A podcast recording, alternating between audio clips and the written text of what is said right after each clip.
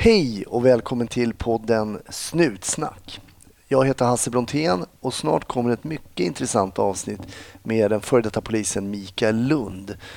Han berättar väldigt ärligt om sin tid som Norrmalmspolis på 80-talet. Glöm inte att gå in på snutsnack.se och boka biljetter till livepodden på Intiman i Stockholm den 2 maj. Mina gäster kriminalteknikerna Anna Jinghede och Jens Ulander.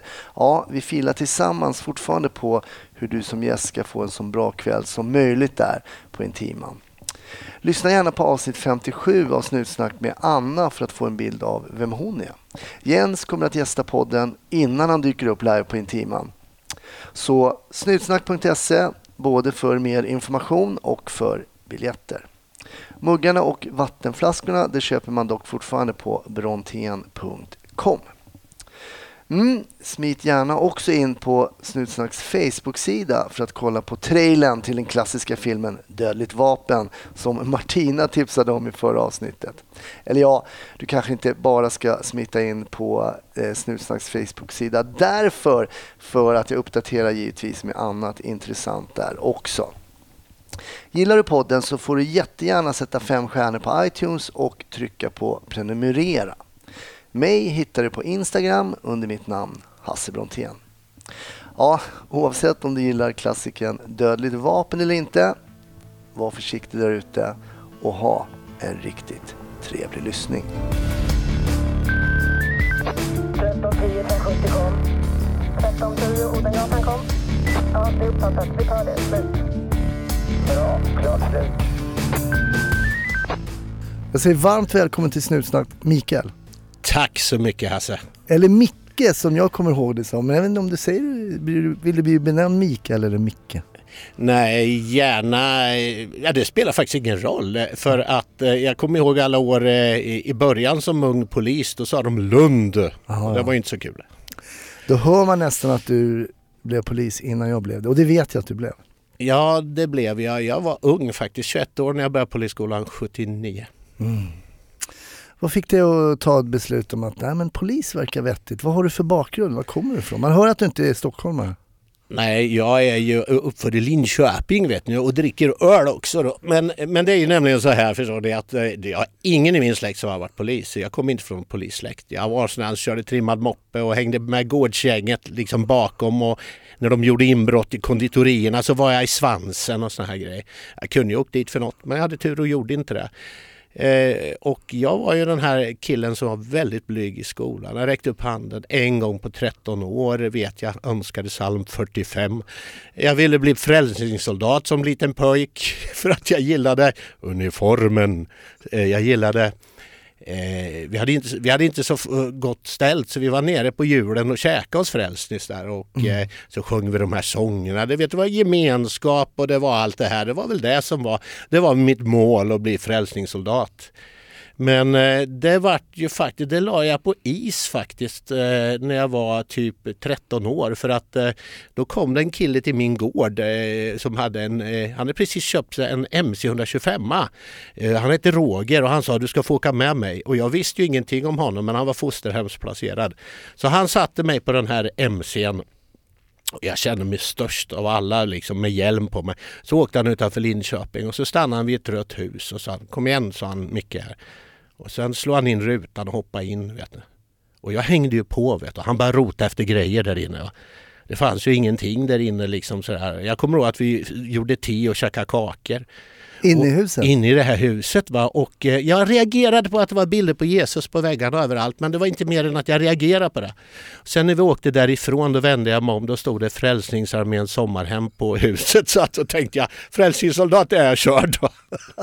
Någon har sett dig? Ja, någon har sett. Men jag tror jag är förlåten. Men sen var det ju så här att jag hittade faktiskt min roll i militärtjänsten i Linköping. Det var ju regementsstad. Och eh, jag gjorde lumpen där och eh, den blyga killen när jag fick på mig uniformen, manliga normen rådde, socialt sammanhang, tydlig fiende, ryssen. Jag vet inte vad det var. Stampet från Krönegruppen är klart, artikeln från gruppchefen, gruppchefen till mig lämna av! Jag gick ut som delad ett av 900 beväringar. Fick av mig uniformen, var samma blyga kille på där när jag skulle gå ut och dansa. Vet, en flaska Kir och Beja så vågar man möjligtvis dansa med en tjej. Eh, så var jag, men då kom polisens rekryterare till regementet. Vet du, det gjorde de ju till oss också. Men till oss tyckte jag att det var um, mer lämpligt för jag gjorde ju lumpen som militärpolis. Det finns Just ju det. någon form av koppling. Ja. Men varför trodde man på den tiden att soldater skulle bli bra poliser? Var, var är kopplingen? Nej, jag vet inte. Alltså, jag, jag, jag, det var ju så lite grann. Va? För att det snack, jag hade ju absolut ingen tanke när jag började i militär, gjorde jag ett år då, eh, att jag skulle bli eh, jag hade tänkt fortsätta inom militära för det var enkelt då. Så jag skulle Mm. till Halmstad på regementsofficersutbildning och allt det där. Men eh, det var, eh, ja, det var att det kom upp eh, och jag fick möta dem och vad skulle jag göra? Jag hade ju ingen plan för livet. Nej. Och det kändes ju lite märkligt tyckte ju jag det här att eh, jag fattade aldrig att jag skulle bli polis. Jag hade ju kört trimmad moppe och blivit jagad eh, av MC-polisen bara några år innan. Så det var en märklig situation. Mm. Dina föräldrar då, vad gjorde de? Vad hade du? Du sa att ni hade inte så mycket pengar när du Nej växte men upp. alltså fars, mamma var hemmafru, vi var fyra grabbar och jag var äldst och eh, farsan jobbade på Saab. Så det var ju det där, det var ju knapert. Jag var aldrig på semester under hela min uppväxt vad jag minns. Nej. Eh, ja, jo, vi åkte innanför gränsen till Norge en gång farsan och vi. Och så skickade vi vykort till alla att vi har varit i Norge så åkte vi tillbaka. Det var jag min. Men jag ska inte klaga på min barndom för jag påstår att jag har bättre än de flesta har idag här. Mm. Eh, Så att eh, jag hade en sån arbetarklassbarndom. Du vet, var med Unga Örnar. Alla röstade på sossarna och man visste ju inte annat. Alltså. Det var ju den världen jag levde i. Ja, just det. Men så ni var inte ute och åt på restaurang så ofta kanske? Eller? Sådana saker? Nej men det är så fantastiskt. Jag är så tacksam att jag inte gjorde det. För att än idag är det stort för mig att ta en räkmacka. och det där, jag brukar prata med folk om det, är därför det sitter i mina gener. Jag kan ju äta räkmacka varje dag om du åker till Ikea. Va? Men det är den här härliga känslan att tycka att det är lite stort. Mm. Hade man tyckt det om man fått oxfilé varje dag? Jag tror inte det. Ja. Så uppvuxen i ganska enkla förhållanden. Inte Ja. dåliga Nej, men, men enkla. arbetarkla, arbetarklassmiljö. Just det, precis. Sen så slänger du i alla fall in en... Vad, vad är det som gör att du slänger in den här ansökan då? Ändå planen är att bli Nej, militär? men- och... Ja, men det är ju att de rekryterarna kommer upp till regementet. Det är ju det jag gör. Som jag, gör. och jag hade ju inte räknat med att komma in. Jag visste ju ingenting. Jag minns de sa på intervjun där. Eh, kan du tänka dig att eh, använda skjutvapen om du har vapen i hand och sådär. Men jag kände ju så här. Jag minns att de ringde regementschefen och sådana här saker också. Och jag hade ju toppbetyg som sagt var. Och han var handbolls... Jag spelade ju handboll i RP i Risbrinksberg i samma lag förresten som Steffo Törnqvist och Lennart Ekdal. Så det var ju roligt. Så vi spelade i samma lag under hela uppväxten. Och Eh, sen då så, eh, ja. Jag hade inte förväntat mig att komma in på polisutbildningen alls alltså, men jag blev väldigt förvånad när jag gjorde det. Och väldigt rädd för att jag ska åka upp till stora Stockholm. Vet. Just det. Men hur var det då att kliva in? För det var väl på Sörentorp då i Ja. skolan? Nej, jag minns ju att jag, jag var ju... Jag, var ju jag, jag ville hem till Linköping direkt och till, eh, till eh, bli, ja, vad jag ville bli där det visste jag inte men jag ville bli, komma hem till tryggheten, Mm. familjen, mormor och morfar och allt det där. Så att, det var ju det jag ville så jag tänkte jag får avklara polisutbildningen ett tag här och eh, det är klart man söker ju förebilder och fadersgestalter och han som var min eh, klassföreståndare han blev ju min eh, stor, stora liksom så här förebild i början. Okej. Han hette KGU Elide.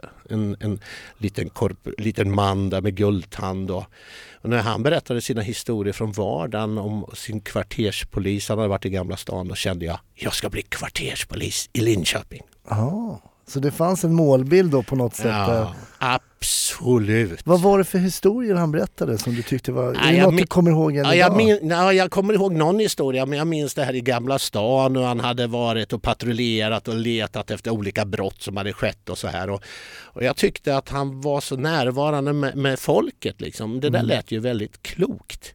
Men vi började läsa tidningarna på polisskolan, då fanns ju inte internet då och eh, då började vi läsa om eh, Norrmalmspolisen. Mm. Vilka är de? Och då jag läste en artikel, de hade fått Guldbatongen av några vänstergrupper och vi bara, bara snackade liksom. Fan. Sen en dag när vi satt i mat, eller inte vi vi var, hade rast, det var någon kille som sa piketen är här. Så vi joggade ju bort till eh, i våra svarta eckor då.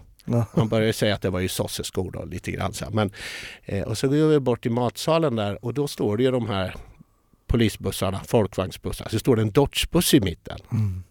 Och så går vi in där och så sitter de och käkar grabbarna i skinnpaj, fallskärmsjägarkängor. Och där borta satt ju min, min förebild KG där i sina velouruniformer och ek, svarta. Va? Jag kan ju säga det gick ju ganska snabbt sen att man fick andra förebilder. Ja, det blev så. Mm. Så den här V8 i Dodgen som mullrade och de här kralliga ja. killarna i ja. skinnpaj, det blev en, en en ny målbild då? Eller? Absolut, och jag minns ju då när jag gick och klippte mig. Va? Jag led ju sådant över att jag var rödhårig. så sa jag snagg, så, alltså de snaggade i mig här. Jag kommer ihåg jag var här borta på Rådmansgatan och han frågade, han tog fram en, en, en sån här maskin och körde över. Så när jag kom, minns jag på uppropet på polisskolan, och frågade KG, har Lund gått in i marinkåren? Så. Ja, det var ju lite grann att jag tittade på dem faktiskt. Ja. Det var skönt att se de röda lockarna falla där. Okej, okay, jag kan komma ihåg eh, när jag, jag hade, eller jag hade, men det var en student som gick på skolan, det här var ju 88, han ville mm. nog väldigt gärna bli piketpolis också, men mm. vi hade ju det här vapnet, Walter hade man ju då, just så då hade man ju den pistolen i någon form av handväska där på vänster ja, sida. Och han slet ut sitt eh, pistol, vad säger man, fodral? Eller ja, ja, hölster. Hölster där ja. Så att det såg ut som att det var liksom 30 år, jag vet inte om han hade sandpapprat det. Så, att, så lädret blev liksom så att det verkligen såg ut som att han var en erfaren och så gick han med batongen liksom ja. under. Så det fanns lite och så vek han upp den här töntiga overallen vi hade och Just så hade han kängor så att ja. han såg lite mer militant ja, ut. så, var, så var det ju och eh, jag eh, det var ju, jag vet inte om du kommer ihåg det här, men då var det en slutövning. Ja, det hade inte ja, vi, hade, vi åkte två och två och eh, det sattes upp en lista sen. Alltså, jag åkte med Bosse då, som är polis i, polischefen i Örebro nu. Mm. Bosse Andersson, jättebra kille. Han eh, åkte vi och, och, och, och sen två och två så fick man betyg på varje station och det var därför piketen var där för de skulle biträda som instruktörer. Okay. Ja.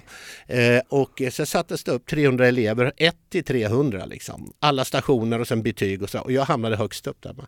Jag kommer i, alltså på den slutövningen och jag kommer ihåg det och eh, killarna i piketen frågade ju mig där liksom vart ska Lund efter då? Eh, ja, jag ska väl till Linköping, sa jag. Vet du. Nej, du ska till Norrmalm, sa de.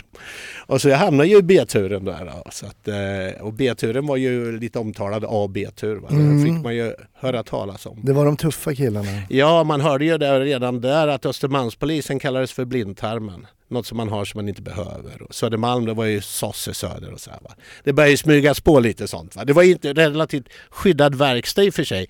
Men just under polisutbildningen jag kände liksom jag som var löparnisse liksom tog 50 i bänk, jag tog ändå 90 när jag lämnade polisskolan. Alltså det hände ju grejer i mig. Mm. Det gjorde jag. Det så bänkpress blev någonting som var viktigt? Nej, ja, det, jag kan aldrig bli bra på bänkpress. Men det var ju lite så. Det var ju faktiskt i, i betyget i, i gymnastik eller vad det nu hette mm, där, va? Mm. det var, ingick ju bänkpress. Det gjorde det på min tid också. Ja. Jag klarade inte heller bänk så jag fick ju öva. Vi skulle ta 60 kilo bänk, jag klarade ja. inte det. Nej, ja, men jag vet att jag gick upp för jag, ja. Men, eh, jag gjorde det sen ska jag säga. Det, ja, det, det, det är faktiskt ganska mycket teknik. När man ja, aldrig har hållit på med det där bänkpress så, ja, så gjorde man det några gånger så gick det bra.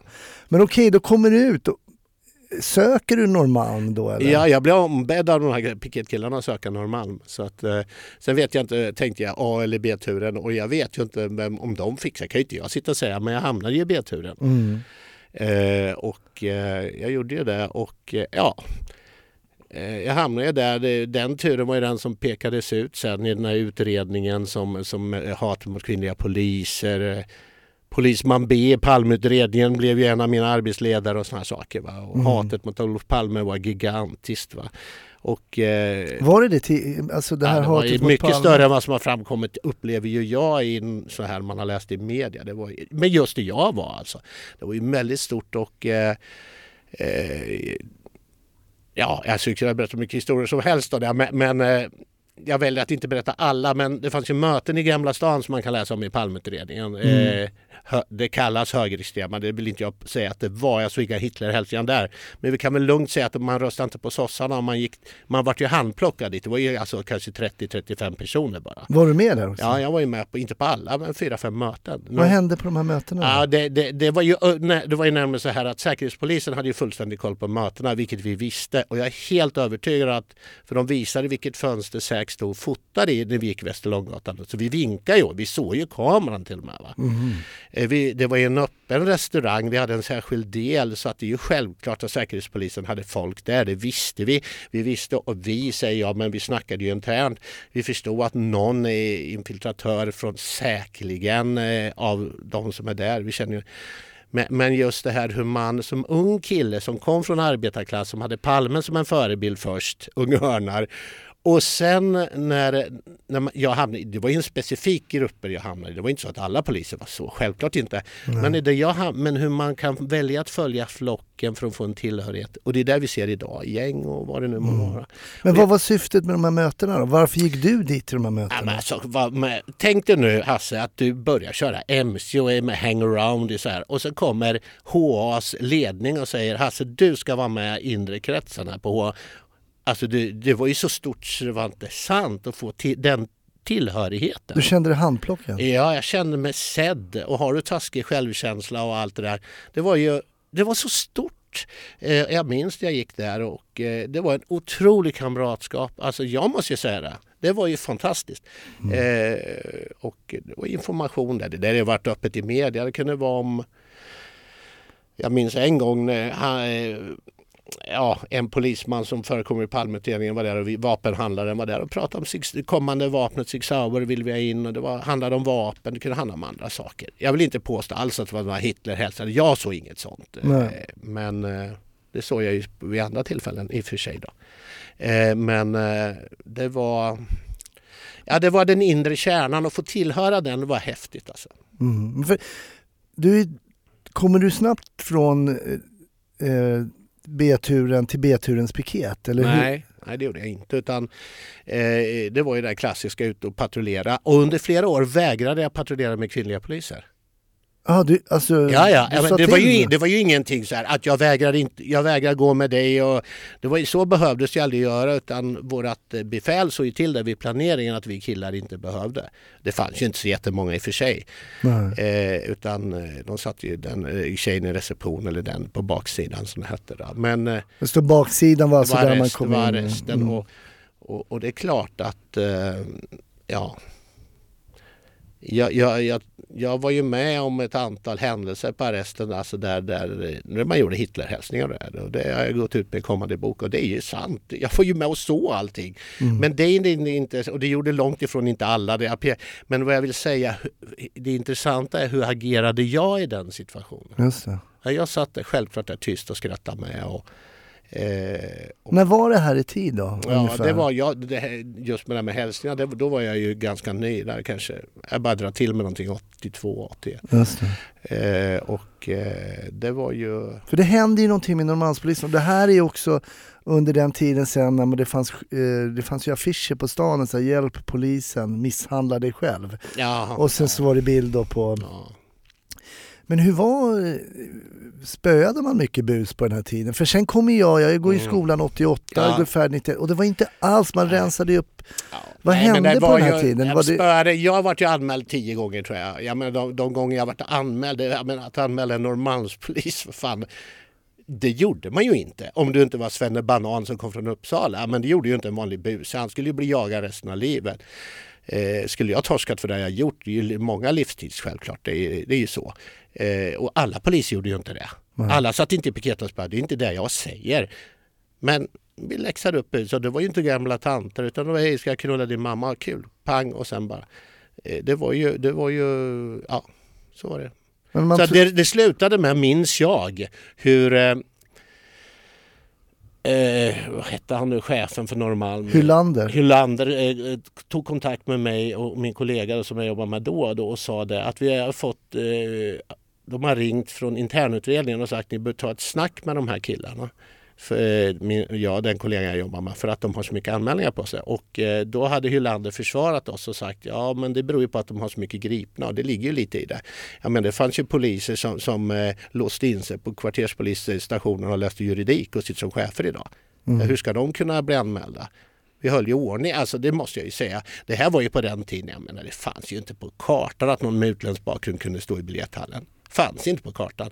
Det var bara in i, i eller OT-rummet som man döpt om till trygghetsrum idag. Mm, Men det var ju så. OT var alltså tunnelbanans... Ja, och där gjorde jag ett år också för att slippa sitta i receptionen. Efter, eh, när jag hade varit min tid på Norrmalm, alltså det vanliga, alltid MUP-tiden, så skulle man ju så göra inre tjänst och det hade man lärt sig att det slapp man om man hamnade på OT. Eller så jag sökte dit och slapp och sen kom jag tillbaka till Norrmalm. Men om vi går tillbaka till det, så det fanns inte en chans att någon med utländsk bakgrund skulle stå i vänthallen? Pratar vi det vänthallen på TC Ah, Norra man- där, nej, på fanns inte en Plattan? chans. fanns inte en chans. Gjorde de det så sa man bara ta och gå ut eller, och skulle de komma in igen då var det ju bara polisiering direkt. Och polisiering då, man identifierar dem och vilka de var och så vidare. Ja, och lite, det beror ju på, eh, alltså, eh, självklart. Men det var ju, jag fick lära mig mitt första trumsolo inne på T Norra där eh, på. Det var ju trumsolo, det var ju smiska på med batongen rejält. Och jag fick en fråga, en journalist, hur kändes det? Skönt, svarade jag. Det var ju en, det är ofta svarar de flesta där, men det var en sån och jag, det var väldigt märkligt liksom hur jag som aldrig har bråkat i skolan eller vet så kunde Ja, stå och göra en sån här sak. Ja. Och det är sånt jag, när jag föreläser idag, pratar om. För jag har haft mycket samtal med Stefan Einhorn, hjärnforskare, om just vad det är för mekanismer det är som skapar det här. Hur kan en snäll kille göra som jag gjorde? Mm. Men det är väldigt intressant. Och det visar ju på något sätt kanske att alla kan det, att vi alla Ja. har det i oss. Och det är lätt att säga att jag skulle aldrig, jag skulle aldrig och så vidare. Men det finns ju någonting, och självklart så var det ju någonting som då som fanns där och som i ett system. Ja, men så är det och, och jag kan bara säga, det finns ju tester från USA och så här och man, man har Ja, på universitet på Yale gjorde man med psykologistudenter och vid det testet så, så, så använde då 65 procent eh, den dödliga stöten, eller dödlig, väldigt dödlig. Eh, 65 procent, alltså, man hade frågat psykologistudenterna innan hur många tror ni kommer? Då var det 1,2 procent svarade att de trodde de skulle använda det. I verkligheten var det 65 om du är under påtryckning inte ser offret, lär känna offret. Det är det det handlar om väldigt mycket, anonymitet. Precis.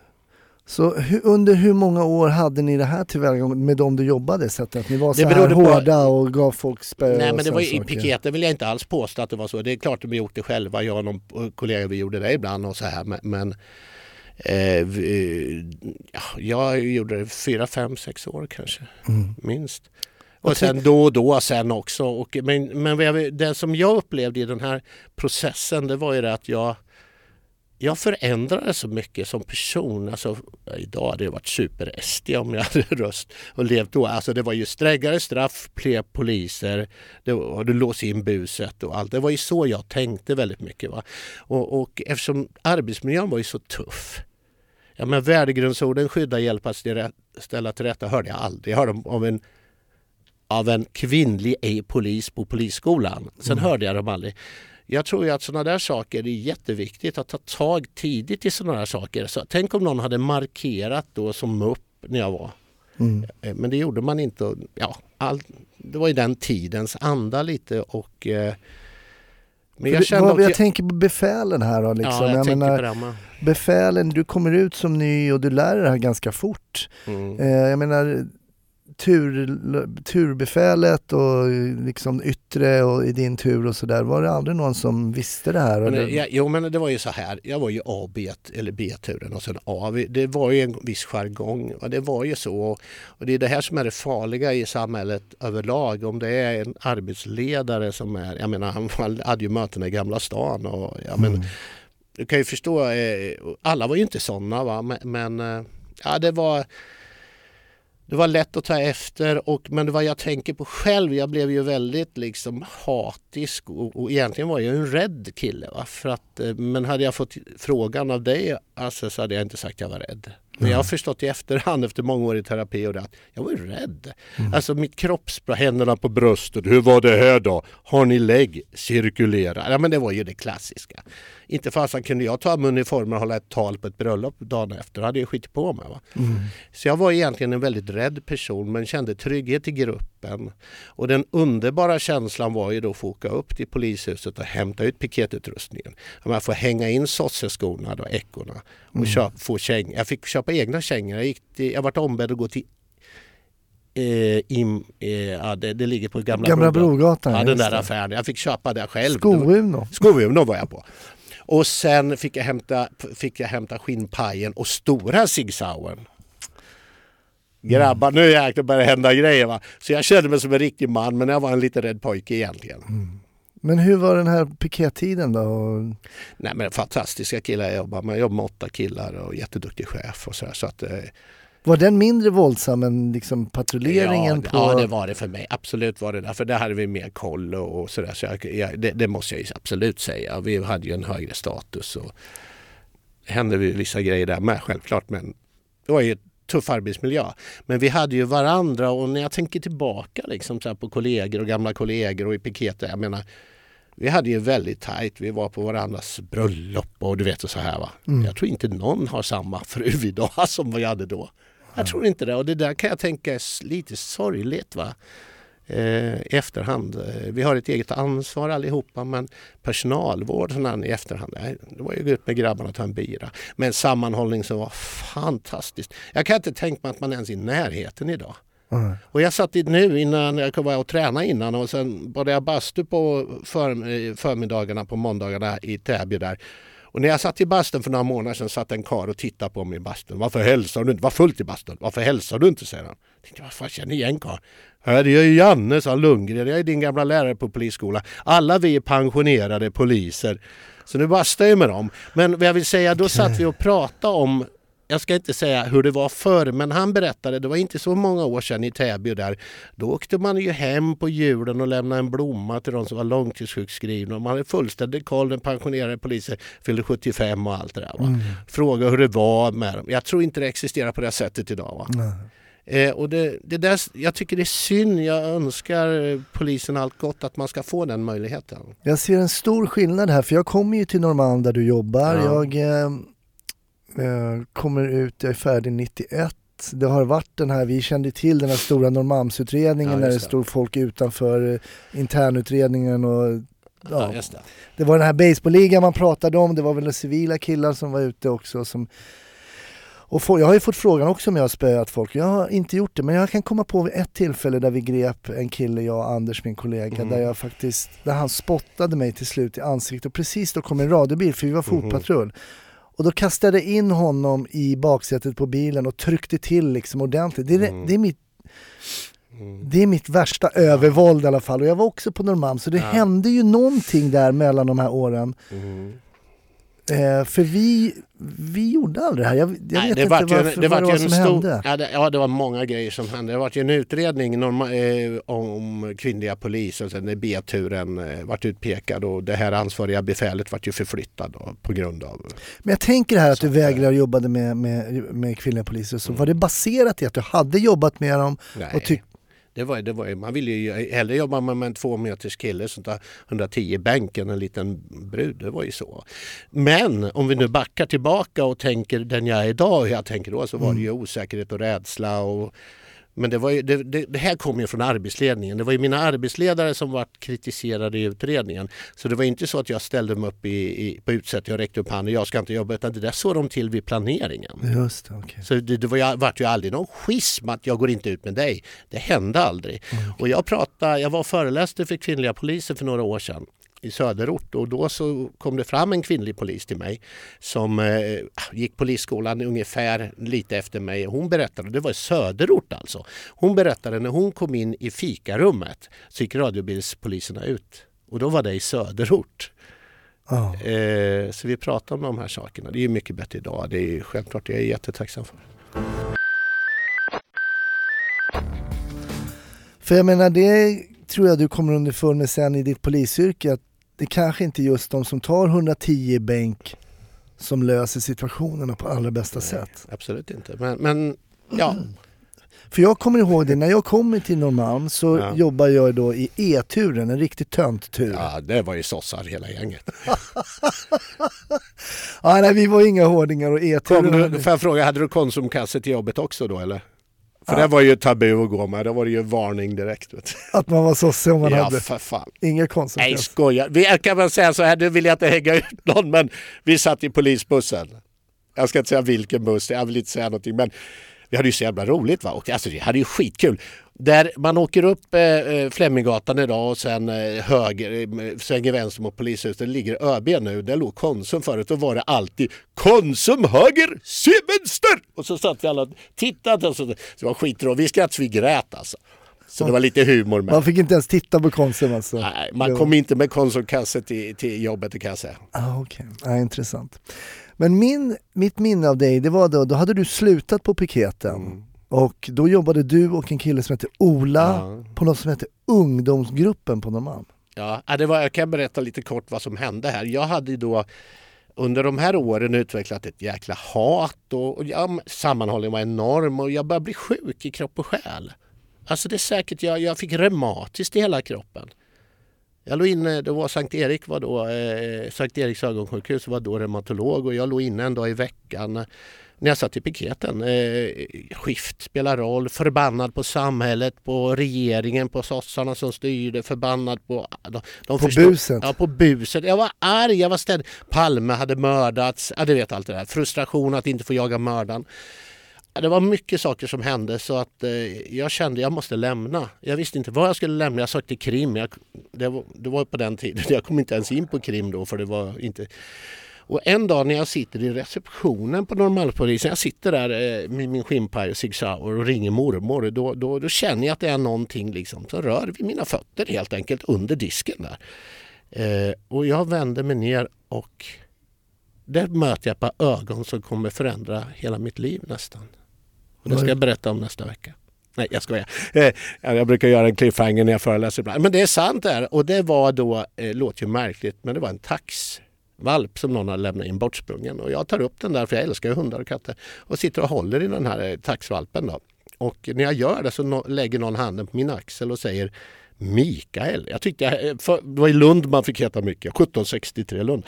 Och så vänder jag mig och det står kvarterspolischefen, ärkesossen. Affe Ärlig, han var kvarterspolischef. Han har varit gäst i Snutsnack. Ah, vad härligt, en underbar person. Eh, han eh, han eh, sa det att eh, ja, han, så, han hade sett någon annan bakom den här fasaden. Och han såg det inte minst här och då så sa han så här att eh,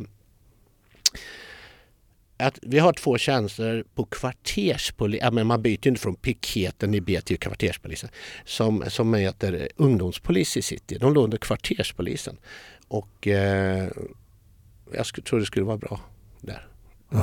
Så var det. Och, Affe Ärlias, ja, det var han som gjorde som var min chef och många år. ja, och då hade man sen inte, ja men vem skulle man ha med mig då? Jag kom ju från mötena i Gamla stan i princip, piketen till det här. Så Mm. då kom Ola då som skulle gjort inre tjänst misstänker jag. Kanonkille. Så jag hade jättetur, jag fick jobba med honom. Eh, Men då skulle Affe lära mig patrullera. Vet du. Och jag fick ju en chock. En sosse ska lära mig patrullera. Jag var, det var ett skämt alltså. Men, ja, men jag tänkte, nu säger jag vad jag tänkte. Absolut, det är det som Eh, jag eh, och det var ju så uppskattar här, då vill jag till ni, ni som äldre lyssnare och kollegor, ni vet ju det här var ju på den tiden man gick i takt som polis. Det var ju Mm. osannolikt att inte patrullera i takt. Det fanns inte på kartan. Det fanns inte. När jag var på O- tunnelbanan på man gick i takt, man gick och handlade och så här. Va?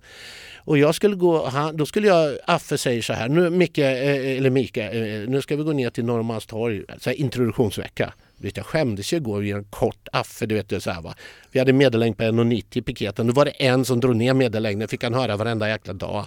Vi drog till och med ut passfråga. Han sa han var en han sa han var 1,80 men han var tydligen 1,79 så tog vi ett passfråga och tejpade upp hela skåporna. Det jävla, vad fan har du med piketen att göra? Det var ju den stilen då alltså. Julbordet, eh, alla vältränade eh, kollegor över 1,90 skål och så här. Det var ju ständigt va. Men nu ska jag ut med Affe då och han kunde ju inte gå i takt va. Så jag fick ju gå och hoppa Och hela passgång jävla... alltså. Ja, passgång var minst sagt. eh, men då vill jag säga så här att Affe hade ju rätt och jag hade fel. Va? För, för det första så kommer jag ihåg att han sa gå lite saktare. För det handlar som idag handlar det inte om att fotpatrullerande, jag brukar säga så här, det handlar inte om att ha fotpatrullerande poliser ute idag. Det handlar om att ha fotpatrullerande närvarande poliser ute idag. Det är det det handlar om. Så Hasse, eller, eh, Affe var närvarande, sen går han jättesakta. Jag är jätteirriterad. När vi kommer ner till Norrmalmstorg då stannar karln och tänder pipan. Ja just det, hans Kommer pipa. det? Oj, oj, oj. Men oj. vet du, det var ju då folket kom fram. Ja men vad trevligt. Så det, jag menar, han lärde mig att vara närvarande som polis ute. Mm. Och jag snackade med en kille på Rikspolisstyrelsen som för några år sedan hade varit eh, och de hade granskat poliser vid fotbollsinsatser. Vi samlade, och de hade ju gett allvarlig kritik för det var ju nu, bara något år sedan. Då hade poliserna stått i, i, och pratat med varandra med ryggarna emot liksom så här på medier och så här. Så det handlar ju inte om det handlar om hur man möter människorna. Mm. Mm. Ja, Affe var ju fantastisk. Han, Ja, När vi- med. när vi gick ner på det som då kallades för Citygruppen, så, när han hade den Hultstugan som Mm. Just brann det. ner och sådär. Så gav han oss full, eh, full backup och support och ni är bra grabbar, det här är mina grabbar. Ja. Han kallar sig för mi, mina grabbar. Ja, det det, det stöttade ju. Absolut.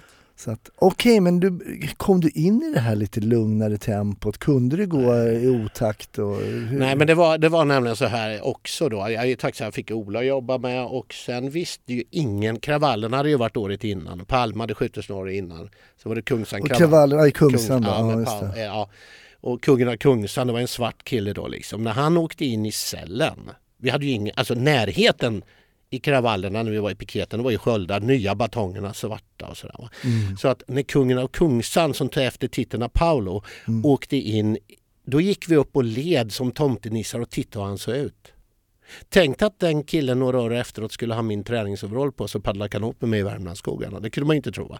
Men, men så vart det. Va? Och, eh, men eh, kravallerna i Kungsan, sen säger Affe, han visste ju inte hur vi skulle göra. Va? Han visste ju inte det här och eh, Det här var väl ganska nytt grepp också? Nej Ni- men det fanns ingenting, vad man, de, här, de här tjänsterna var otillsatta. Det var ingen som ville ha dem. Likadant idag, mjuka frågor. Ja, ni vet, kvinnliga, eller du vet, kvinnliga normer, det är ju, har ju låg status, förebyggande frågor. Så hade det här varit två tjänster att jobba med grå organiserad brottslighet så hade ju alla sökt dem. Just det. Det här handlar om att jobba förebyggande. Men jag hade åkt Vätternrundan året innan. Så jag var cykelkille va. Och, och sen snackade vi, jag snackade med Uffe Brännström på ungdomsgruppen och jag kommer ihåg han sa så här, fan vi skulle ha cyklat, vi sprang med polisradion och försökte och flåsa och lyssna vad gängen gjorde. Men då hittade jag i källaren på Norrmalm bredvid piketbussen två gamla damcyklar som det stod Crescent världsmästarcykeln. Bara det var ju bara, då vart man ju kär. Eh, och sen så, så var det någon kvarterspolis som hade gått i pension som hade köpt in dem. Det fanns ju ingen luft i dem. Så Ola och jag fixade till dem, tog på oss civila kläder, cyklade ner på Plattan.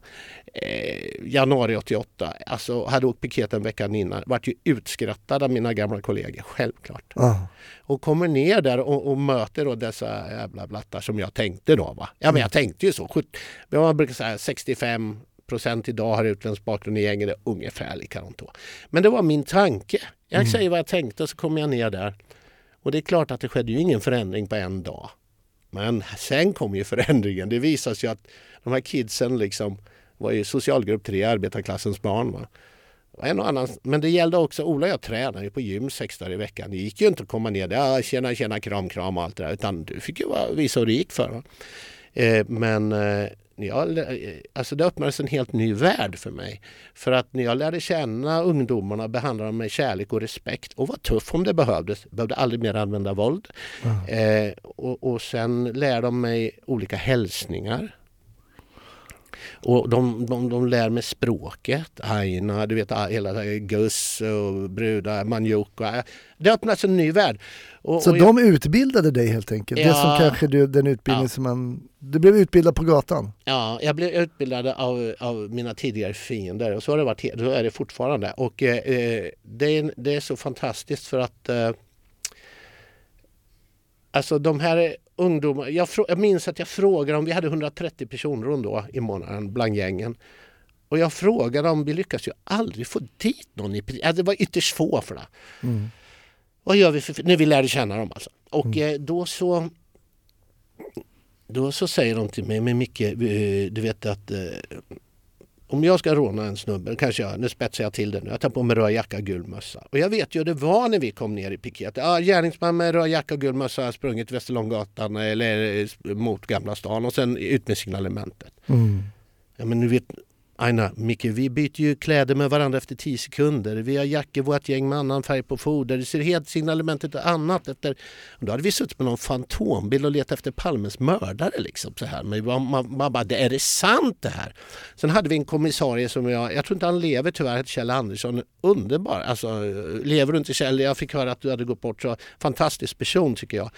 Eh, men han hade ju lite hög status, han har varit i FN i Kongo och så här. Och han ledde ungdomskommenderingarna. Mm. mm. Eh, och eh, då sa Kjell eh, så här klockan två på natten. Jag vill tacka alla för en väl genomförd citykommendering och önska en trevlig helg. Ja, sen åkte han till kolonilotten i Tanto. Och så säger gängen till mig så här när jag lär känna Men Micke, vi har ju polisradio. Ni kan inte säga att ni går hem och lägger er. Alltså vad jag menar, han har varit kreativ i Kongo. Han var inte kvar. Så det öppnas en helt, helt ny värld. Och eh, sen var det så här att eh, sen kom det ju poliser, alltså jag förstår ju allt det här. Alltså, nu- Så de hörde helt enkelt när man bröt kommenderingen nu. Nu åker vi Ja, hem. de satt och lyssnade på allting. De hade fullständig koll att vi jobbar 21.07 och, och ja, de visste allt. Eh, men det var, eh, jag, jag frågar dem också liksom, hur, hur jobbar ni, hur tänker ni i gängen? Och så, så där vart min totala förändring att, och kunde bli så mycket mer effektiv polis. Men om du jobbar civil som vi gjorde på Plattan, det kom ju vanliga personer som skulle så att säga till krogen som kom i bråk. Va? Självklart. Eh, och, och vi bara i stenhåla, jag bara paketerade ihop, alltså använde inte övervåld men mm, inför gängen och var det någon som var kaxig så bara vi visar lite power också. Va? Så det hade ju inte gått där och le- tjena tjena. Men då fick jag ju, måste jag säga, en klick poliser emot mig. Sen den dagen nästintill ny, nyligen så fick jag vykort på Norrmalm som låg i mitt postfack. Jag har kvar flera. Eh, utan frimärke där det står sluta dalta med buset din jävla sossepolis. Och då tyckte jag att de dalt... för det var ju så här det var ju så här va, att de här ungdomarna GW Persson som var med ofta ut, eh, han skrev så här i året runt, jag har det ut hemma, han var krönikör. När jag kommer ner på plattan med Micke och Ola så står gängen på led, de är som popstjärnor skriver GW. Och det var nämligen så här att när vi gick hem klockan två på natten, då ökade rånen också. Mm. Och det var ju någon som påpekade, vad fan hjälper det om ni... Ja. Så att jag, jag sa till gängen så här att eh, nu kommer vi skriva upp er, vilka platser ni är på, vilka kläder ni har på er, vilka tjejer ni hänger med för de som hade andra mm, droger och, och, och nycklar. Och vi, om ni har nycklar på till förvaringsfacken, för då gömde de ju kläder, eh, vad ni har för foder på jackor, allt skrev vi upp. När GV kommer ner med oss, det är bara ett exempel, så var det en lång rad av ungdomar som kom fram. "Öj, Kan du skriva upp mig ikväll? Får jag vara med på din lista? Är Mohammed med? De vill ju inget heller. Hjalmar Söderbergs ord, man vill bli älskad, det brister på beundrad, det brister på fruktad, det brister på avskydd och föraktad.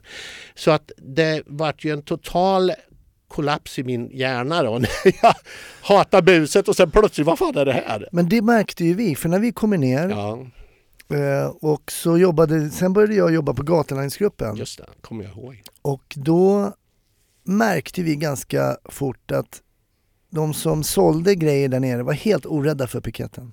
Mm. Piketen kom ner, mullrade ner för den här Mm. rampen. Ja, kommer ner för rampen på plattan. Eh, ibland gick de inte ens ut utan de satt bara och hade V8 på. mm.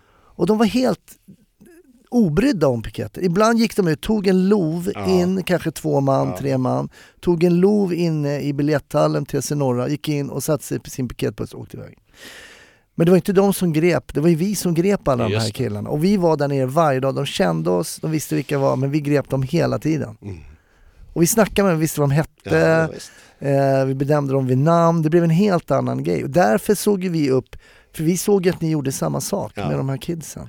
Och jag har ett minne som jag ska ta upp för att vi, det kommer en, det kommer fram någon och är ganska upprörd att någon hotar någon inne på, då står det två killar, jag tror det var någon gambian och någon Mm. landsman där.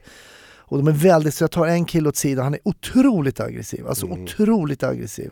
Jag är inte så stor där, jag får undan honom, men han går upp mot Åhléns, den andra killen går ut mot plattan. Och sen så står vi, det är jag och Anders där som jobbar, som var med i Snutsnacks första program. Mm. Eh, eh, vi säger så här, men de där han kommer säkert leta upp honom. Så vi går upp mot och, eh, upp mot plattan och sen upp går det en tunnelbana upp mot sl eh, Slöjdgatan nere va. Eh, Mm. Just det. Och där står den här för, den aggressiva killen med en sån jättekniv va, som Bowie. Mm. Så vi drar, jag drar vapen eh, och riktar mot honom och säger släpp kniven, eh, skriker. Men han springer upp då, springer han Sveavägen, utsidan Höghusen, Mm. in på Slödgatan igen och borta. Och då kommer fram en herre, "Ja, söker ni en svart kille? Ja, han sprang ner på Stadium, säger han. Mm. Okej, vad gör vi nu då? Vi var i uniform då. Ja men det är väl inte så smart att gå ner där. Vi ringer Micke och Ola. Mm. Så vi fick kontakt med er. Vi ger ju ett bra signalement, signalement på honom och ni är ju civila. Mm. Så ni går ner och packar ihop honom där då. Eh, och det blev jävligt smidigt jobb. Alltså, Mm. Han kände inte igen er, ni visste Nej. precis, ni fick ett bra signalement Ja, på jag honom. kommer till och med ihåg det här tror jag. Och, och det jag kommer ihåg efteråt då, då var det så ah, det kom Micke och Ola och fixar det här, det var ju bra. Men jag står där då och ska hölstra min Sig Sauer Mm. och har ju då hanen uppe Oj. fortfarande. Ja. Och jag har sprungit runt med en spänd hane där på Slöjdgatan. Men så slackade jag den och stoppade hölstrade. Men det är ett minne som jag har i alla fall som, eh, det blev ett bra, ett bra jobb. Mm. Och det blev något olaga hot där med den där kniven och så vidare. Och så vidare. Men det var ju, det var inte så många som jobbade civilt heller. Nej. Nej men jag kan känna idag, jag mötte ju så gigantiskt mycket ungdomar och kom väldigt många väldigt nära. Va? Och det vart ju det vart så märkligt allting för att när vi sitter på McDonalds, vi åkte ju inte in till station och fick, jag fick en del poliser emot mig. De allra flesta var underbara men jag fick, själv när jag varit i möten i Gamla stan och sen började jobba så här. Det var ju, ja.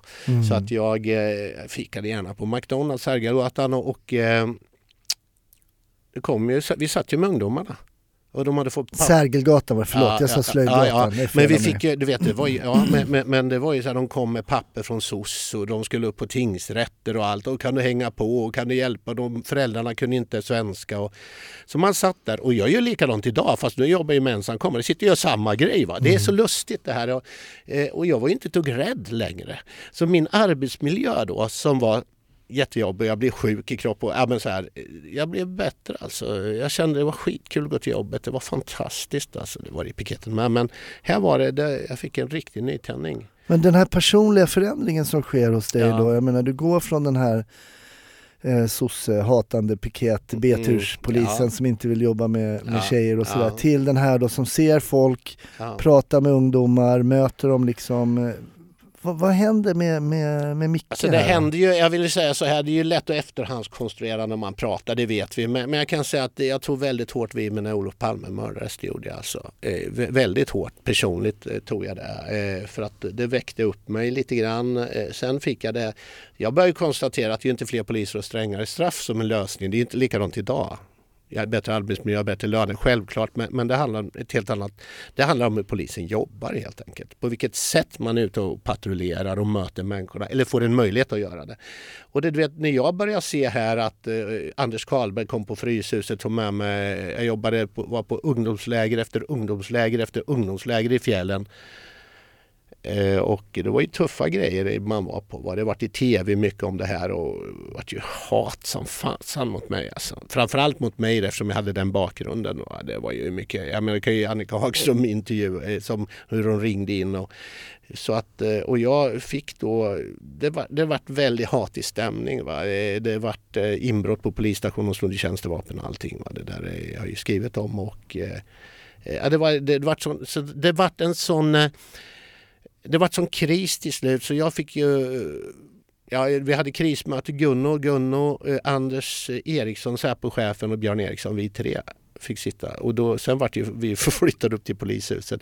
Det var ohållbart att vara kvar eh, det, i den miljön. Och det återigen, det var ett antal människor här. Va?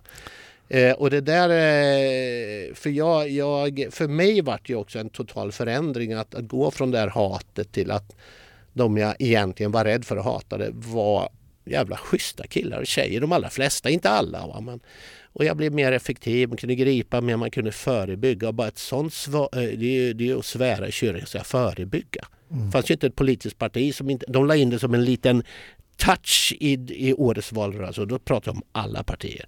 Eh, det är mer poliser strängare straff de tror. Och det svenska folket sitter bara och skakar och är livrädda. Eh, så att eh, men jag gick igenom en otrolig förändring där kände jag som människa och eh, på gott och ont Mm. faktiskt det måste jag säga. Hade du någon målbild där då när du, ni flyttar upp på polishuset? Vad, vad vill jag göra av min, mot mitt polisiära, min polisiära karriär? Vad, Ja, vad tänkte alltså, du? jag hade ju en brutal karriär framför mig. Det måste jag ju säga att jag hade. Jag har varit ute som rådgivare åt regeringen i tre år. Jag hade ju liksom, kände Göran Persson, jag kände ju hela gänget. Va? Och då var jag ju supersossen. För det var opolitiskt. Det var ju Alice Bah, det var ju... Ja, vad heter det? Du vet, programledare Erik eh. Ja, men nej, det var ju massa Mm. så här, va? Så att jag hade ju egentligen en jäkla karriär. Det var medias guldgosse. Jag hade ju allt framför mig. Jag hade ju grymt. Va?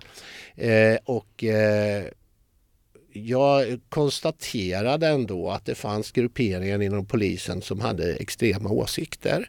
Eh, jag hade jobbat med gängen i många år. Ola slutade sen, jag förstår honom, han hade ju bara gjort det här i princip inom polisen. Jag var så tacksam för de åren. Men när han lämnade då, slutet ja, 2000, typ 2001, då, då kände jag så här, nu ska jag gasa på här. Va? För fan Micke. För att jag levde med de här gängen, jag, jag levde med invandrarorganisationerna och svenska organisationer. Jag gick, vi gick på krogen ihop och jag var bra på arslet, gick in på blåljus eh, och sen kom Mendes efter mig förresten. Vi gick på samma eh, artister, han kan ju intyga det här. Han kom inte in för han hade inte, eh, du vet det klassiska. Jag fick vandra i deras fotspår i många, många, många år här och fick se eh, rasprofilering i samhället. Jag säger inte det, de allra flesta poliser gjorde absolut inte det, men det förekom. Det kan ju inte vara en slump att jag aldrig stoppas i polisbil med en Wojtek som hade wienerkonditoriet, hade varit och hämtat en tysk Merca begagnad, vart stoppad hela tiden jag satt bredvid. Hur kan det förekomma? När, hur då? Nu förstod jag inte. Du, någon hade varit och... Någon Wojtek hade köpt... Ja, Wojtek som hade wienerkonditoriet, så jag lärde ju Mm. känna alla de här. Han köpte sig en Merca, en ty- importerad från Tyskland, var inte Mm. speciellt dyr. Eh, och när jag åkte med honom ibland när vi skulle på krogen, han körde ju va. Han var ju stoppad så många gånger i stan va. Och jag blev ju aldrig stoppad när jag körde i stan.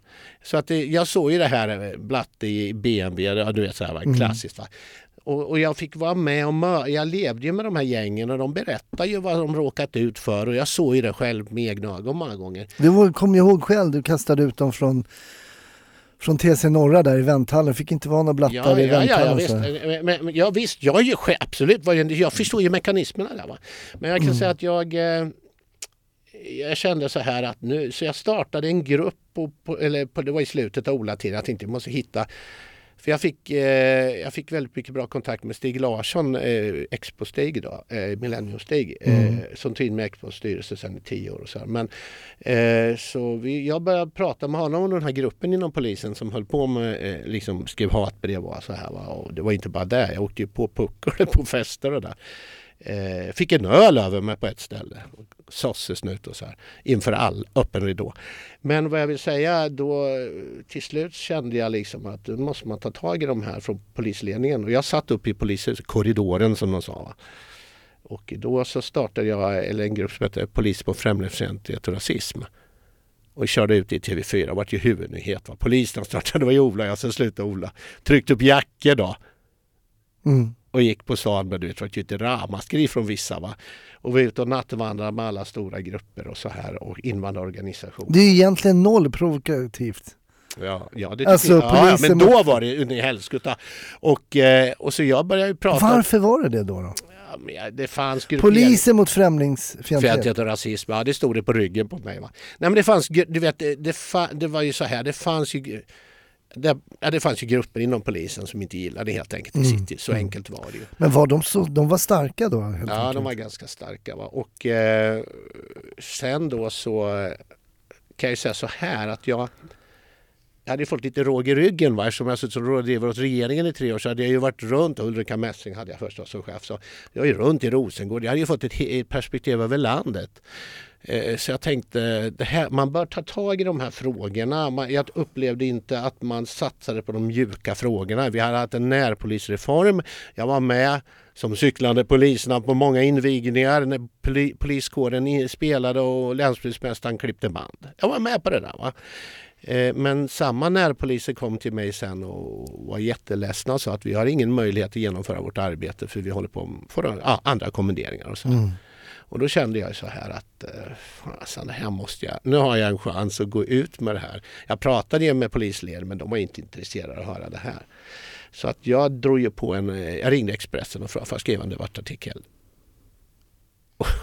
De säger inte nej. Ja, Jag minns när jag kommer till polishuset, det är bild på mig så står det polisen föraktar de utsatta grupperna. Man sätter ju inte eh, rubriken själva. Nej, och där står det ju just att de mest utsatta grupperna och områdena får inte de poliser som de förtjänar och att närpolisen inte får en möjlighet att göra det. var ju där det stod. Men jag vart ju uppläxad. Vet du, så att jag vart ju inkallad av polisledningen så bara small om det. Och sen det, istället då, eh, sen upprättade de ju ett munkavlekontrakt som vart mycket media om då. Att jag skulle signera att inte prata med media och bla bla bla. Det sket jag ju fullständigt i. Utan jag skrev ju, det vart ju Kalla fakta istället. Och då råkade det ju vara så märkligt att Lennart Ekdal hade Kalla fakta och när jag hamnade i Godmorgonsoffan dagen på, då var det Steffo. Det var ju det- ren slump. Ah. Eh, men, eh, så att, eh, men det som var så märkligt efter den där första artikeln det var ju det för det var ju ett frontalangrepp på polisledningen. Och det är klart att sitter du i Skärholmen och kritiserar polisledningen är ju inte kul men här satt ju i samma korridor. Det är lite annorlunda. Men eh, jag kan säga 80-90% av alla mejl jag fick i groupwise var ju positiva. Det var ju poliser som höll med till hundra, det var närpoliser. Det var ju fantastiskt. Så mitt problem, då hade jag, när jag hade kört den här fighten ett tag, jag skrev ut många helsidor i Expressen, det var ju, jag vet inte hur många, men debattartiklar. Då var det ju det vart ju en total utfrysning så att jag, ja, de pratade inte med mig, eh, de runt omkring. Jag bytte tjänsterum hela tiden. Och eh, till slut när jag kommer till jobbet en dag, då fick jag knappt någon luft. Så jag tänkte, vad är det här? Jag sprang ju maraton året innan. Jag var ju så jävla vältränad trodde jag. Men eh, nej, jag åkte ju på panikångestattack så det bara small om det. Vet. Men eh, då var det ju massa poliser som skrev och ville prata med mig, ha samtal med mig. Som mådde skitdåligt i organisationen. Skitdåligt! Och en riktig kar går ju inte till psykolog. Nej. Så jag sa till min mormor när jag var hemma där, jag var sjukskriven och skrev Mormor, jag måste nog gå till en psykolog. Och då säger mormor till mig, men Mikael, du kanske inte är riktigt riktig. Du kanske till och med är fel i nerverna. Men eh, Nej men jag, det var ju så att jag åkte ju runt då och, och pratade med väldigt mycket poliser. Eh, eller med, åkte runt, vi träffades på Vinnerkonditoriet helt enkelt. När jag sitter där en dag med en kvinnlig polis som går polisskolan som hade då fått en löpsedel på grund av att hon hade anmält ett hel, kanske du kommer ihåg, en hel eh, gäng killar i klassen för, eh, för eh, rasistiska åsikter. Det var ett löp och det här kommer jag ihåg. Okej, mm. Henne skulle de kicka på polisskolan så hon sitter och är förtvivlad. När jag sitter och pratar med henne där, då, då ringer telefon. Och då är det en överläkare från Danderyds psykiatriska klinik som ringer. Hej, jag, skulle, jag har läst om dig här och jag skulle vilja att du föreläser på en psykiatrikonferens. Då ser jag ju min chans då, eftersom jag tror att det finns en mening med allt som sker. Men du, skulle jag kunna få komma och prata hos dig? Och sen, det var han som hjälpte mig sen. Liksom. Och- Okej. så att eh, jag hamnade då i som, inom psykiatrin som det heter i. Då hade jag, det visade att jag hade posttraumatiskt stressyndrom Mm. efter ett tag. Där. De gjorde en stor utredning där. Så. Men jag bara körde på. Va? Och, och när vi pratar om våra fiender så var det helt galet egentligen. För ungdomsgängen kom till mig. Många poliser självklart. Men på polishuset var det ju karriäristerna som satt runt självklart. Va? Men sen kom ju liksom, jag menar, om man hatar sossar då innan, vad gjorde man inte med kommunister? Va? Så när jag var liksom skilde med den vevan och bodde uppe på Expo, då kommer Stig Larsson och säger att du kan bo uppe på Expo, du ska gå in i vår styrelse för om du inte har någonstans att bo, för jag har sån hotbild på. Så bodde jag där. Sen hade jag knappt pengar så jag hade skittaskigt ställt. Eh, och, och då så får jag i samband med skilsmässan. då ringer telefon. Ja hej, jag heter Mikael Wiehe, jag har följt dig här, du ska få ett bidrag, Artister mot rasisters pris och 50 så du klarar det. Så alla de där som jag liksom bara hatobjekten, de bara kom till mig. Va? Ungdomsgängen, invandrarorganisationer, gjorde namninsamlingar. Jag bara, vad är det här? Och många underbara poliser. Så jag hamnade i en, ja vad fan är det som händer? Du slutade som polis till slut?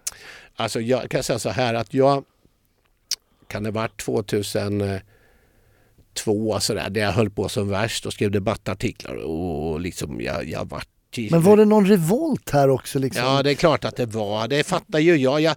Det är väl självklart att jag förstår i efterhand att jag inte har rätt i, att jag inte har rätt i allt och alla andra hade fel. Det fattar jag ju inte då. Men jag kan säga så här då. Att jag eh, hamnar ju, jag varit ju jättedålig i posttraumatiskt stressyndrom, bara körde på ännu hårdare, köpte Che Guevara-tröja, gick uppe på polishuset och spelade vi i högsta volym bara för att reta dessa kameleontsossar som jag ansåg då. För många, sossarna styrde ju som ni vet oftast. Va? Och ska du göra karriär inom polisen var du kameleontsosse menar jag. Inte alla men de flesta. Det är ju regeringen som utser de högsta polischeferna. Va? Så att eh, när jag kom upp med Ulrika Messing eller Britta Lejon då sprang de och svansade runt om. Va? Sen hade de andra politiska åsikter när de gick. Men eh, det var en revolt för min absolut att det var det. Men jag var, körde ju på stenhårt då med antidepressiv, Sobril och hela kitten alltså jag för att klara det här. Jag körde hård medicinering det kan jag säga. Eh, och jag kom, säckade totalt till slut och eh, på tjänsterummet. På, så jag min sista dagen på polishuset som jag inte visste var min sista dag. Absolut ingen aning om det. Jag har skrivit ytterligare en debattartikel i Expressen. Det var ju, jag har varit inkallad till cheferna och sen och jag bara stod på mig kaxig som fan. Vet du. Jag var så jävla kaxig. Kommer jag ihåg att jag var där. Jag skrev inte på det här kontraktet men jag var. Sen säckade jag på polishuset. Sen skulle jag ta mig här, åka fyrans buss från Fridhemsplan. Jag minns bara svagt av färden men jag minns för det när jag kommer ner till Fridhemsplan då står det en kille som säljer Situation Stockholm, en pundare där som jag hade, kände ju båda. För de skrev i Situation Stockholm om det jag gjorde då. Och då så säger han, vad fan har hänt? Vad har hänt? Jag är helt borta, säger jag. Det var jag som var pundaren här va. Så de här två killarna, jag minns det så väl. Båda lever, ingen av dem lever idag. Hjälpte mig på bussen. Åh, fan. Det skick- skicket var jag. Jag var så jävla dåligt skick. Va? Och så sprang jag ut på krogen och du vet, jag fixade eh, tillfällig tröst och allting. Och hamnade i spelberoende. Det är jag ju borta från nu självklart. Men, så jag gick ner mig utav helvete. Och eh, gick, men fick ju samtalsterapi självklart. Va? Jag brukar alltid fråga Mm. min gäst om eh, en historia som har berört eh, under livet som polis. Ja. Jag tänkte att den här sista dagen här, Ja, den, den berörde mig nog mest faktiskt tror jag när jag tänker tillbaka. För de två männen tänker jag på ofta eh, symboliserar ju någonting som jag eh, de som jag trampade på en gång om vi backar. Då. Eh, och det de vi- som hjälper dig på Ja, bussen. men det var ju så hela tiden att de hjälpte mig. På, jag minns hur de hjälpte mig och jag minns hur den ena hade blåsor i ansiktet. Det var tydligen något man kan få av vissa droger. Så här. Och hur de liksom vinkade och jag var helt borta. Va? Men, men det var ju så att de, de som, ja men Micke Wiehe som stöttade mig sen många gånger, jag menar så, man hatade ju kommunister när, man, när de stod utanför amerikanska och skrek krossa USA imperialism. Man satt där och fast, ah, jävlar. Det varit väldigt märkligt allting så att eh, då bara, jag, jag minns ju den dagen eh, jag är stoltast över i mitt liv ändå kan jag bara nämna. Så det var, jag kommer inte ihåg året exakt men det var några år efteråt när jag var helt väck. Alltså jag, hade, jag begärde förlängd eh, tjänstledighet, fick inte det så sa jag upp. Men, men i vilket fall som helst så då tog, jag minns det jag är mest stolt över, då kan man tänka att man har fått priser och rådgivare åt regeringen. Nej, nej, nej, nej, nej. Det jag är mest stolt över, det är när jag tog taxi upp till Danderyds psykiatriska klinik. Eller förlåt mig, inte Danderyds, Sankt Göran och var, då var det krig och sa hjälp. Och jag skämdes som en hund för det var en del media om mig där. Men jag gjorde det och jag fick hjälp. Jag gick i samtal på öppen en gång i veckan och fick ju så här. Och då spreds ju rykte om att jag hade blivit psykiskt sjuk. Ja, det kanske man hade på ett sätt. Men eh, det är nog där jag är stolt att jag tog med det modet för jag skämdes sådant. Och, eh, så jag var en in the bottom och sen dess jag släpp, släpper jag fjärde boken nu och fantastiskt liv idag. Så att det är ju det här det handlar om egentligen. Utan mörker skådar man inget ljus. Va? Hur, må, hur mår du idag då? Ja, jag kan vara ärlig och säga att jag, jag, mår så, jag har aldrig mått bättre. Jag har en dotter på sju år trots att jag fyllt 60 nu. Jag har ett fantastiskt liv. När jag åker från dig nu så ska jag ta sånglektioner. Jag tar sånglektioner nu. Eh, pianolektioner. Jag har lärt mig, jag är i Malung, jag dansar, jag går med i fyra dansklubbar. Jag var i helgen och dansade, körde bil dit. Jag... Eh, jag var första majtalare och vad tror du man sjunger då Hasse första maj? Internationalen? Nej, det gör inte jag. Nej. Vad sjunger man då? Bengt Bedrup, kommer du ihåg gamla spår? Han har Ja, en, han har tjenare, en, tjenare, han har, tjenare, tjenare. Han har en son som heter Mikael Bedrup, han är KD-politiker och präst. Okej. Han sa åt mig när jag föreläste i kyrkan, nej Mikael du ska sjunga My Way med J. Så jag sjöng My Way eh, och eh, jag hade, etta i musik. Jag har aldrig sjungit i hela mitt liv. Jag har haft ångest så fort jag ska sjunga i kyrkan. Men när jag var på Hall för några år sedan och pratade för livstidsdömda så sa jag, jag var där flera gånger. Eh, och då så sa jag åt dem, jag vill att ni listar vad ni är rädda för. Jag vill att ni skriver ner några Och då var flera som skrev att sjunga och tala inför grupp. Och Alltså de livstidsdömda? Mm, jag, har Okej. varit, fan, jag har varit på hals och du bara. Jag har varit på varenda fängelse i princip. Men vad jag vill säga med det är att, och det har varit med kris mycket också. Vad jag vill säga med det är att eh, när jag åkte från Hall då tänkte jag detta kan inte vara möjligt att de här stora rossarna och jag, gammal piketbil, är så rädda för att sjunga men inte rädda för buset. Så jag åkte direkt, bokade sångpedagogen Duktig och sen så har jag gått där sedan dess. Så nu är det kör jag Elvis och bara skvätter om det. As the snow fly in a cold and grey Chicago morning a poor little baby child is born in the ghetto. Så du förstår Hasse, det har hänt lite. Och då vill jag säga så här att så jag var med ensamkommande ja, och föreläser över hela landet. Så jag har ett fantastiskt liv alltså. Helt fantastiskt.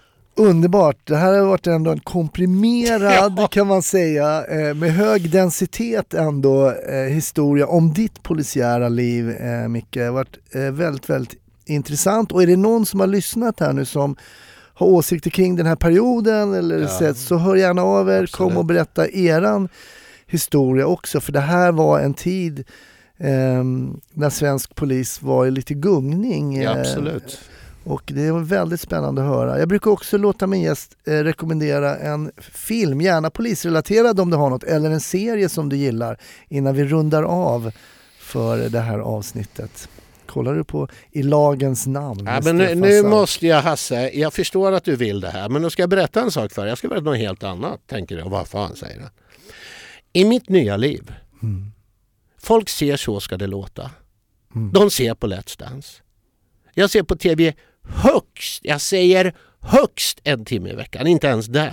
Nej.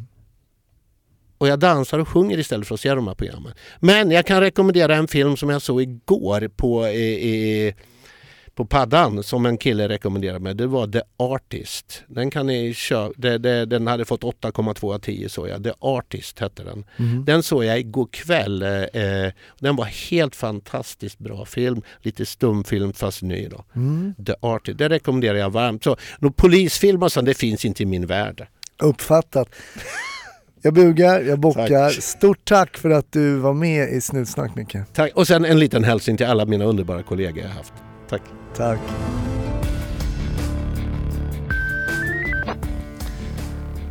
Stort tack för att du har lyssnat på eh, Snutsnack och ännu ett avsnitt. Glöm nu inte att gå in på snutsnack.se där du kan boka biljetter till livepodden och där du får mer information kring den. Jag hoppas du får en fantastiskt bra vecka så hoppas jag att vi hörs i nästa. Ha det fint. Hej!